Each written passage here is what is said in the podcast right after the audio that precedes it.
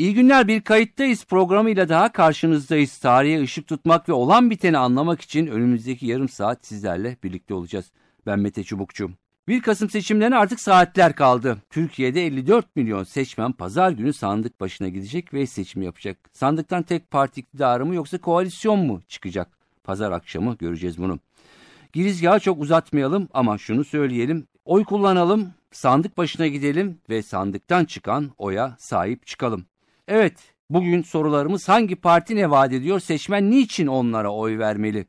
Tüm bu sorulara mecliste grubu bulunan dört siyasi partinin temsilcilerine yönelteceğiz. Kayıttayız'ın ilk konuğu AK Parti Genel Başkan Yardımcısı Profesör Nüket Hotar. Efendim hoş geldiniz programımıza. Teşekkür ederim, hoş bulduk. Ee, çok az gün ya da saatler kaldı seçime. Ee, her parti e, katılım çağrısı yapıyor. Herkes oyunu kullansın diyor. Ee, hızlı ve e, az sorum olacak. Efendim ne vaat ediyorsunuz 1 e, Kasım'da seçmene ya da 2 Kasım'da? Ee, şöyle AK Parti'nin iktidara geldiği 3 Kasım 2002 tarihinden önceki Türkiye'mizle bugünkü Türkiye'mizin karşılaştırılarak elde ettiğimiz kazanımları Hı. ve devam edecek olan taahhütlerimiz, hedeflerimizle beraber bir kıyaslamanın yapılması çok önemli. Evet. Çünkü bu karşılaştırma içinde mutlaka toplumumuzu oluşturan her bir kişi, grup, kesim ve kurumun mutlaka kendisine olumlu yönde dokunan bir uygulamayı göreceğini biliyoruz. Hı hı. E, bu uygulamanın devam edeceği, bu olumlu gelişmelerin süreceği e, zaten AK Parti'nin verdiği her sözü de tutan tavrından bellidir, kesindir. Hı hı. Onun için ülkemizin birlik, beraberlik ve kazanımlarının devam ettirilmesinin çok önemli olduğu bu günlerde 1 Kasım tarihinin de tüm partiler üstü bir anlayışla, ülkemizin geleceğini önceleyen bir anlayışla çok önemli olduğunu ve bu şekilde değerlendirilmesi gerektiğini bir kez daha belirtmek istiyorum. Evet. Çünkü biz 1 Kasım'da çocuklarımızın geleceğini oylayacağız. 1 Kasım'da Türkiye'mizin bölünmez bütünlüğünü, birliğini, beraberliğini, kardeşliğini oylayacağız.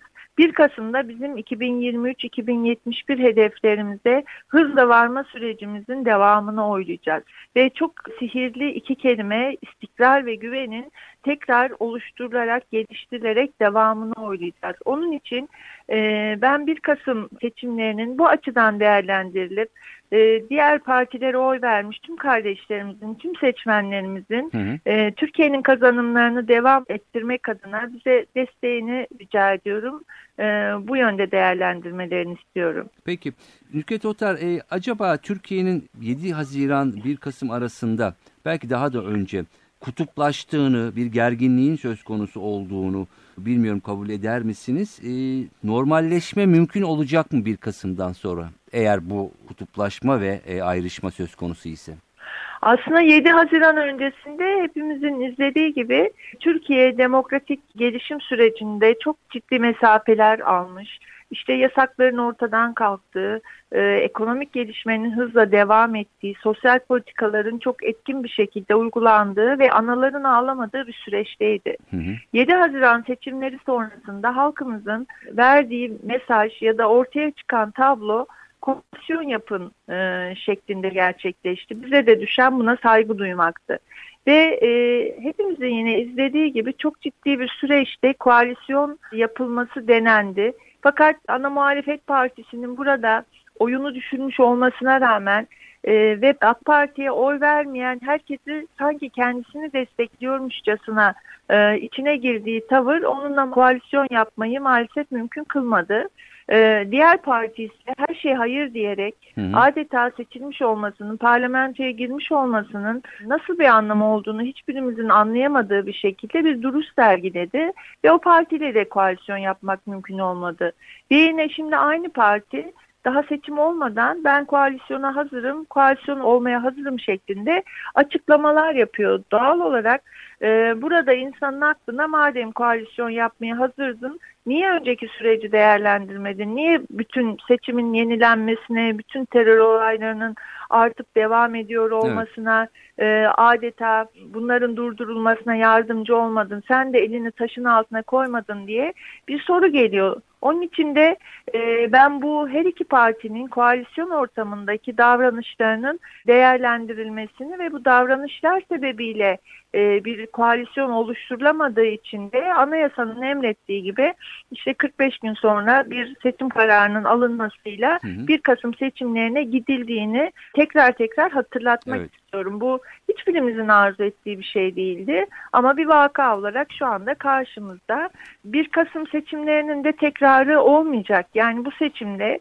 yayına güven, istikrar, Türkiye'nin kazanımlarının devam edecek şekilde hı hı. bir sonuç ortaya çıkacak ya da koalisyon koalisyon yapmak zorunda kalırsak bir şekilde koalisyon yapılacak. Ama bu koalisyon hangi partili olur, hangi şartlarda olur, evet. ne kadar devam eder, ne kadar başarılı olur bunu çok bilemiyoruz. Çünkü Türkiye'nin AK Parti iktidarından önce yaklaşık 25 koalisyon denemesi vardı. Ve bu koalisyonlarda ülkemiz neler yaşadı, neler kaybetti, nasıl pazarlıklar oldu, Türkiye'nin önceliklerinin önüne hangi öncelikler geçti bunları bir hatırlamamız evet. gerekiyor. E bunları hatırlarsak eminim ki 1 Kasım'da e, ki tercihimiz istikrar ve güven için olacaktır. Peki efendim son şunu soracağım biraz da kısa yanıt alırsam çok e, sevinirim. 2 Kasım için tabii ki sayı veremiyoruz e, yasal evet. açıdan e, sakıncalı e, ama genel e, yoklamalar 3 aşağı 5 yukarı aynı sonuç gibi eğer bir sürpriz olması çıkacağını gösteriyor bilemiyoruz ne çıkacak. E, dolayısıyla sizin 2 Kasım senaryonuz e, bir koalisyonu gösterirse e, ne dersiniz? Şöyle ben e, hani koalisyon üzerine bir senaryodan konuşmak istemiyorum. Hı hı. Ama sandıktan çıkan sonuca hepimiz saygılı olacağız. Ama bizim hedefimiz hem oyumuzu hem vekil sayımızı artırarak tek başımıza iktidar olmak. Peki. Efendim çok teşekkür ediyorum ben ve teşekkür başarılar ederim. diliyorum. Umarım 2 Kasım sabahı sonuçlarla yeniden e, belki değerlendirme imkanımız olur. İnşallah. Çok teşekkürler. İnşallah. Kolaylıklar diliyorum. Sağ, Sağ olun. Telefon attığımızda Özgür Özel var. CHP Grup Başkan Vekili. Özgür Özel hoş geldiniz kayıt programına. Hoş bulduk. İyi yayınlar. Muhtemelen seçim bölgenizdesiniz. Hemen kısaca soracağım genel CHP e, anlamında. CHP ne vaat ediyor 1 Kasım'da seçmene? CHP 1 Kasım'da özellikle samimiyet ve tutarlılık vaat ediyor. Hı hı. Çünkü bu seçimler 7 Haziran seçimlerinin bir devamı bir tekrarı niteliğinde. Evet. 23 Nisan 1920'den beri ilk kez yapılan bir seçimlerden sonra parlamentoda hükümet kurulamadı. Ve bu yüzden de geçen seçimden farklı bir sonuç olursa sadece hükümet kurulabileceği tek başına hı hı. bir parti tarafından anlaşılıyor. Biz 7 Haziran seçimlerine giderken söylediklerimizin esnafa, işçiye, memura, çiftçiye yani ekonomik vaatlerimizin evet. koalisyon sürecinde tamamen arkasında durduk. Hı hı. Milliyetçi Hareket Partisi'ne ortak bildirgelerimizi birlikte hayata geçirmek için bir teklifte bulunduk ama oradan aldığımız cevap hayır oldu. Evet. MHP'nin yarattığı seçeneksizlik ortamı iki partiye indirgedi. AKP, CHP koalisyon kurarsa kuracak yoksa tek ihtimal erken seçim.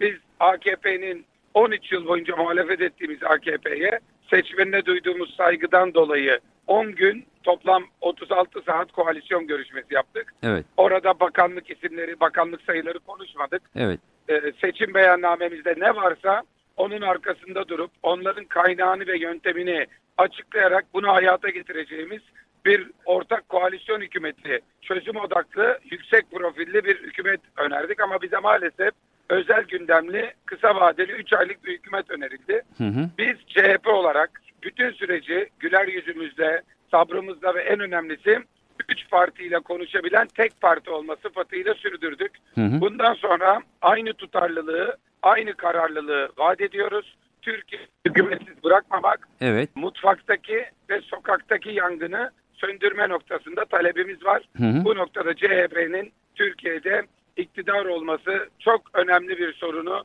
Türkiye'deki iletişimsizlik sorunu çözecektir. Tüm kanatlarla, tüm partilerle konuşabilen Cumhuriyet Partisi olarak biz Türkiye'nin CHP iktidarına ihtiyaç duyduğunu düşünüyoruz. Peki 2 Kasım'da gördüğünüz muhtemel e, senaryo e, öncelikle bir koalisyonu mu görüyorsunuz? Ne dersiniz? Ve bu sefer hani sözlerinizden şunu anlıyorum artık eğer olur ise e, Adalet ve Kalkınma Partisi ile bir koalisyon olacak. Kimse kaçamayacak mı? Ee, şunu söylemek isterim. Ben sonuçta Türkiye'nin en köklü siyasi geleneğinin ve bu seçimlerde en çok ikinci sandalyeyi çıkarmış bir partinin grup başkan vekili olarak elbette ki hedefimiz, umudumuz, inancımız tek başına iktidar olma yönünde. Evet. Ancak dört buçuk ayın sonunda, beş ayın sonunda siyasi tabloda belirgin bir değişiklik olmazsa, gerçi tüm anketler, yapılan tüm çalışmalar CHP'nin seçmen desteğini en çok arttıran parti olacağını gösteriyor. Ama bu noktada geçen seçimdeki tavrımızı sürdürürüz. Çünkü biz e, hep şunu söyledik. Türkiye'nin bir seçime değil bir hükümete ihtiyacı var. Güçlü bir hükümete ihtiyacı var. Bu noktada maalesef e, biraz Cumhurbaşkanı'nın kurucusu olduğu parti üzerindeki etkisi ve özellikle MHP'nin yaratmış olduğu seçeneksizlik durumu ülkeyi bir seçime götürdü. Ama bundan sonra benzer bir tablo çıktığında ki şu anda sahada AKP en ciddi eleştiriyi kendisine oy vermiş seçmenlerden alıyor. Hı hı. Niye bir hükümet kurmadınız diye. Milliyetçi Hareket Partisi'ne kendi seçmeninin ben kulaklarımla duyuyorum hayırlardan biz bile bıktık dediğini. Bu şartlar altında seçmenden gelen bu ciddi uyarılar deyim yerindeyse bir seçmen fırçası hı hı. E, bu iki partiyi kendine getirecektir ve bir dahaki sefer e, daha sorumlu davranacaklarını düşünüyoruz. Peki son sorum şu olacak. İddialar şu ki Türkiye gerçekten çok kutuplaştı. İnsanlar e, ayrı düşmeye başladı. 2 Kasım sabahı buna son vermek mümkün olacak mı? Bir uzlaşma, e, bir normalleşme, e, belki tırnak içinde bir barışma e, gerçekleşecek mi? Ne dersiniz? Ümidimiz, gayretimiz o yöndedir. Geçen seçimden sonra biliyorsunuz Cumhuriyet Halk Partisi defalarca ortak deklarasyon, partilerin bir araya gelip terörü birlikte araştırması, tüm çeşitli partilere birlikte koalisyon olma, saldırılardan sonra tüm parti liderleriyle Sayın Genel Başkan'ın e, görüşme talepleri hep buna yönelikti. Hı hı. Biz siyasetçilerin görevinin e, biz ve ötekileri iki kutbu birbirinden uzaklaştırma ve biz ve ötekiler söylemini geliştirerek kendi tabanlarını sıkı tutma değil, aksine hem siyasetçiler arasında ama en önemlisi evet. seçmen kitleleri arasında ortaya çıkan gerilimi ve uzaklaşmayı ortadan kaldırmanın bu ülkeye bir siyasetçinin yapması gereken en önemli görev olduğunu düşünüyoruz. Hı hı. Üzerimize ne düşerse 2 Kasım sabahı şu an seçim atmosferinde dahi CHP'nin tavrını görüyorsunuz. 2 Kasım sabahı Türkiye'de kutuplaşmayı ve gerginliği ortadan kaldırmak için üzerimize ne düşerse beklenenden fazlasını yapacağımızı da taahhüt ediyoruz. Peki çok teşekkür ediyorum Özgür Özel programımıza katıldığınız ıı, ve görüşlerinizi ben, paylaştığınız ben için. Ben teşekkür ederim Mete Bey. İyi Özgür Özel Cumhuriyet Halk Partisi Grup Başkan Vekili.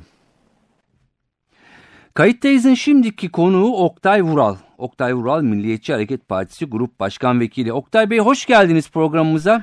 Hoş bulduk Mete Bey, iyi yayınlar diyorum. Hemen sorularımı yöneltmek istiyorum. E, Milliyetçi Hareket Partisi seçmene ne vaat ediyor 1 Kasım'da? Seçmen niçin Milliyetçi Hareket Partisi'ni tercih etsin, niçin ona oy versin? Milliyetçi Hareket Partisi olarak biz e, özellikle 1 Kasım seçimlerinde Türkiye'de hı hı. E, istikrarı temin edecek, hukuk devleti ve parlamenter demokrasiyi güçlendirecek, toplumun ortak değerlerine sahip çıkacak, ortak değerler ekseninde bir mutabakat ekseninde e, Türkiye'yi yönetecek bir iradeyi ortaya konulmasını istiyoruz. Evet. Milliyetçi Hareket Partisi olarak 7 Haziran seçimlerinden önce e, Türkiye'deki bu tablonun eleştirmiştik. Türkiye'nin ekonomik durumunu ve siyasi durumunu ortaya koyduğumuzda evet. Milliyetçi Hareket Partisi olarak çözüm sürecinin bedelini e, ödemek durumunda kalabileceğimizi söyledik. MHP haklı çıktı. Hı hı. Milliyetçi Hareket Partisi olarak istihdam oluşturmayan, üretmeyen bir ekonomi, giderek borçlanmış ailelerimiz, açıkçası işte maalesef asgari ücretli ve emeklerimizin geçinemeyecek durumları evet. dikkate aldığında yeni bir ekonomik modele ihtiyacı olduğunu, bu yönüyle aileleri rahatlatacak projeleri ileri sürmüştük. O zaman hatırlarsanız Adalet ve Kalkınma Partisi bütün bu projelerimizi ve vaatlerimizi e, kaynak nerede bunlar Türkiye'yi iflasa götürür, iş yerleri iflas eder demek suretiyle vatandaşın içinde bulunduğu sıkıntıları görmezden gelmişti. Yani tarımda vatandaşlarımızın girdi maliyetlerini evet. düşürmek için, e, işte KDV alınmamasına yönelik ve özellikle de ÖTV'siz mazot vermeye yönelik birçok vaatlerimiz evet. var. Adalet Kalkınma Partisi e, bunları hepsini reddetti. Milliyetçi Hareket Partisi güçlendi Adalet Kalkınma Partisi tek başına iktidara gittikten sonra bir de baktık ki bizim reddettiğimiz asgari ücreti vaat etmeye başladılar.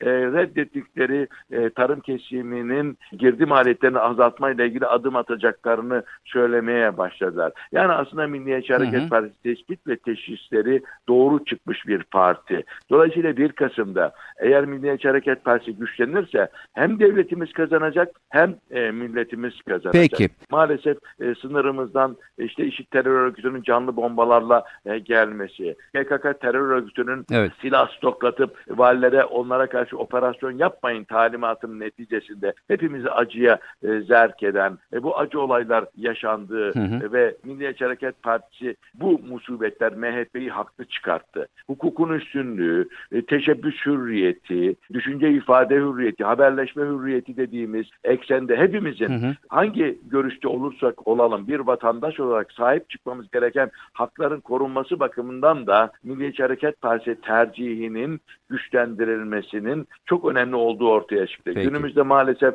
yani mülkiyete ve hürriyete yönelik baskılar, e, işte kayyımlar aracılığıyla el koymalar, manşetlere müdahale etmeler, e, korkutmalar, beyaz toroslarla korkutmalar bu zihniyet yerine demokrasimizi güçlendirerek, hukuku üstün kılıp, adalet, medya özgürlüğü, haberleşme özgürlüğüne yönelik bu tehditleri ortadan kaldırarak vatandaş olma erdemini yaşatacak bir demokrasi oluşturmak için Milliyetçi Hareket Partisi'ne ihtiyaç. O bakımdan demokrasimizi ve cumhuriyetimizi yüceltmemiz gerekiyorsa muhakkak Türkiye Cumhuriyeti Devleti'nin bu dengeler istikametinde yol almasını temin etmek lazım. Onarım e, gerektiği gayet açık ve net. O bakımdan Milliyetçi Hareket Partisi'ne e, vatandaşlarımızın oy vermesi e, Türkiye'nin, Cumhuriyetimizin ve milletimizin ortak değerler ekseninde bir dengeye kavuşmasını temin edebilecek önemli bir e, güç olacağını ben düşünüyorum. Milliyetçi Hareket Partisi olarak biz güç medeniyetini değil de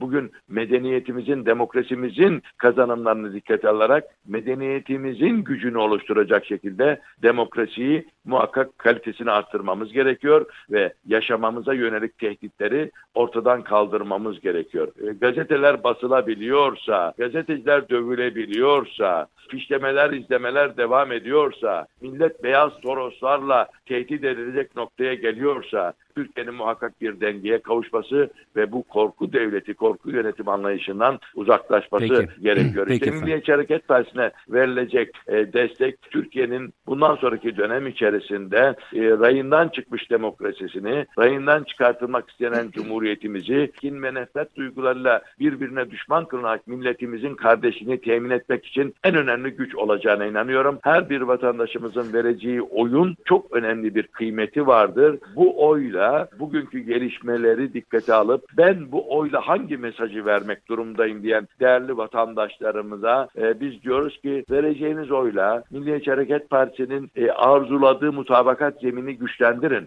Türkiye'nin milli devletinin üniter devletini, e, bayrağımızın ay yıldızı bayrak olduğunu, e, dilimizin Türkçe olduğunu güçlendirin. Vereceğiniz oylarla Türkiye'nin bir hukuk devleti olduğunu, güçlünün üstün değil, hakkının üstün olduğu bir sistemi koymamız gerektiğini desteklemelerini arzu ediyoruz. Peki Oktay Bey e, adı altında. Ba bağlarsanız sevineceğim. İçeride ya da dışarıda terör örgütünün arzuladığı iç ve dış politikayı oluşturarak e, terör örgütleriyle müzakere ve muhatap alma süreci yerine demokrasiyi çalıştırmalıyız. Teröre teslim olmayan bir Türkiye için e, Milliyetçi Hareket Partisi'ne verilecek oy çok önemli. Hükümetin doğrudan doğruya millete ve parlamentoya sorumlu olduğu, Türkiye'nin genel siyasetinden sorumlu olanın Bakanlar Kurulu ve hükümet olduğu gerçeğini dikkate alarak Türkiye'yi tek adamcı bir yönetim yerine milletine karşı sorumlu bir yürütme tarafından genel icraatlarıyla sorumlu olduğu bir e, yönetim anlayışını hı hı. gerçekleştirmek için Milliyetçi Hareket Partisi'ne e, oy verilmesi gerekiyor. Bu bakımdan e, bugün her bir vatandaşım vatandaş olmanın erdemini,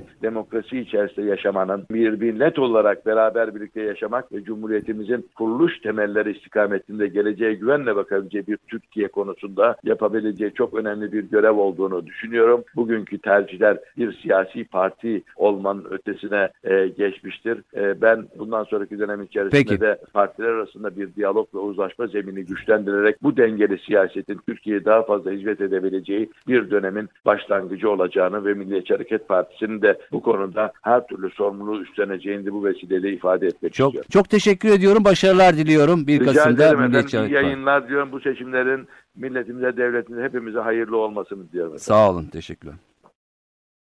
Telefon attığımızda kayıttayızın programı Ayhan Bilgen, Halkların Demokratik Partisi sözcüsü. Ayhan Bilgen hoş geldiniz programımıza.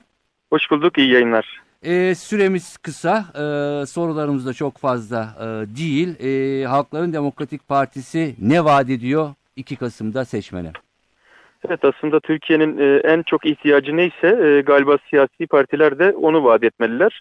Türkiye e, demokratikleşme konusunda kritik bir eşikten geçiyor. Hı hı. Eğer bir biçimde Türkiye'de güçlü denge denetleme sistemi kuracak ve e, demokratik bir anayasaya Türkiye'yi taşıyacak bir sürecin başlangıcı olmazsa 2 Kasım aksine e, büyük bir gerilimin, kaosun yani tek adam yönetiminin yani e, yollarını döşemeye başlayacak. Bu fotoğraf, bu tablo şüphesiz toplumun bütün kesimlerini kaygılandırıyor, endişe ediyor.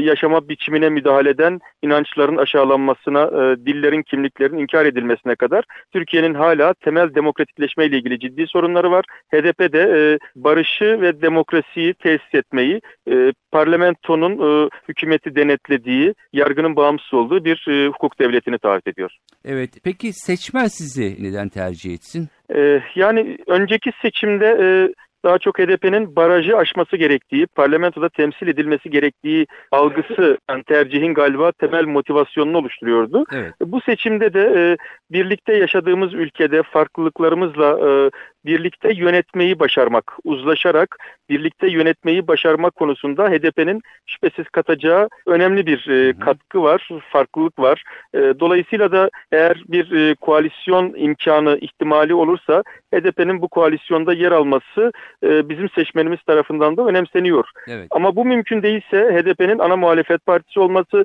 ve Türkiye'de etkili, güçlü, demokratik bir muhalefetin toplumsal dinamiklerin sivil toplumun siyasal karar süreçlerine katılımının e, aracısı olması, e, bunun taşıyıcısı olması beklentisi HDP'nin e, galiba e, rolünü tarif ediyor. Evet e, aslında e, 2 Kasım senaryonuzu soracaktım e, size ama siz e, onu e, yanıtladınız. 3 aşağı 5 yukarı aynı sonucu mu bekliyorsunuz? Nedir sizin e, öngörünüz? Yani evet e, çok büyük değişiklikler, çok radikal değişiklikler beklemiyoruz. Ama e, yani Türkiye'de artık bir milletvekilinin bile çok kritik olduğu, bir puanın bile çok belirleyici olduğu bir seçimden geçiyoruz.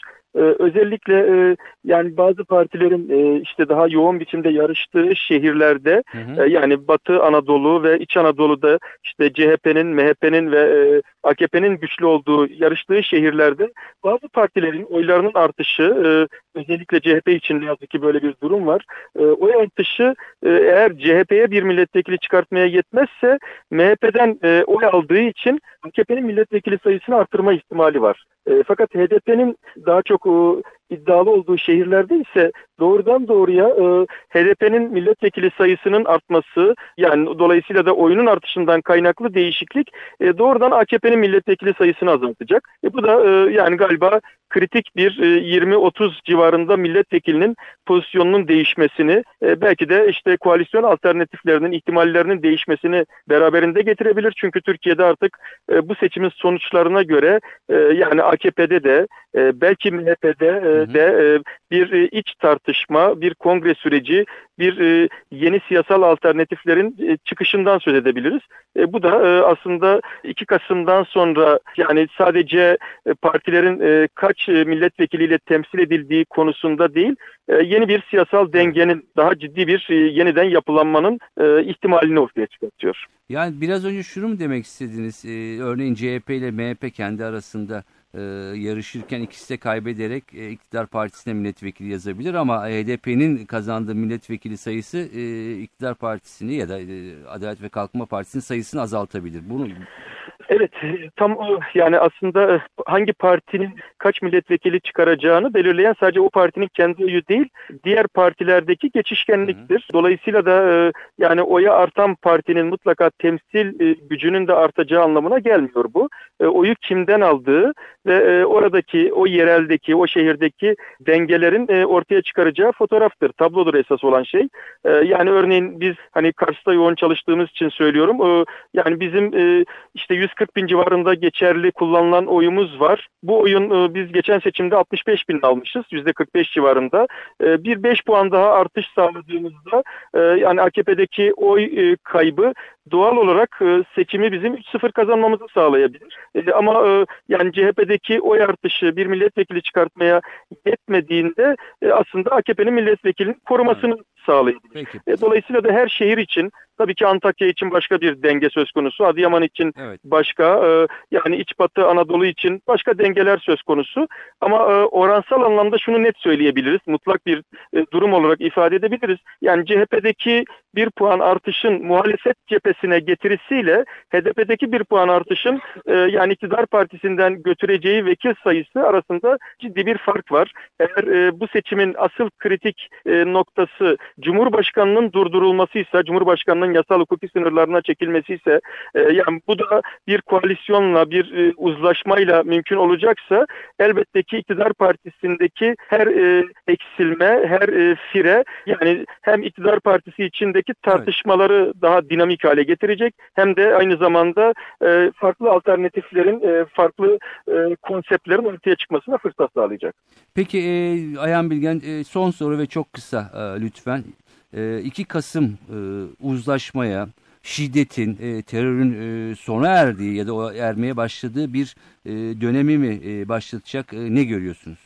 Ee, yani 1 Kasım bizce Türkiye'nin yeniden gerçek bir demokrasiye evrilmesinin başlangıcı olacak. Ee, yani özellikle algı operasyonlarıyla, medya üzerindeki baskıyla, kamuoyunda yani otoriterleşme eğiliminin pekiştirilmesi girişimleri karşısında e, yani tam da Türkiye'de belki şimdiye kadar yan yana duramayan, birlikte bu otoriterleşmeye karşı tavır koymayı başaramayan siyasal ve toplumsal dinamikler artık kaçınılmaz olarak bu uzlaşmanın e, kabulü, sindirilmesi ve koalisyonların da mutlak bir istikrarsızlık anlamına gelmediği, dünyadaki hı hı. örneklere, Avrupa'daki örneklere bakarak e, Türkiye'nin de hayrına olduğu gerçeğini daha da güçlü biçimde ortaya çıkaracak. Peki. Çok teşekkür ediyorum. İyi Ayhan Bilgel size de başarılar diliyorum. Ayhan Bilgel HDP e, sözcüsüydü.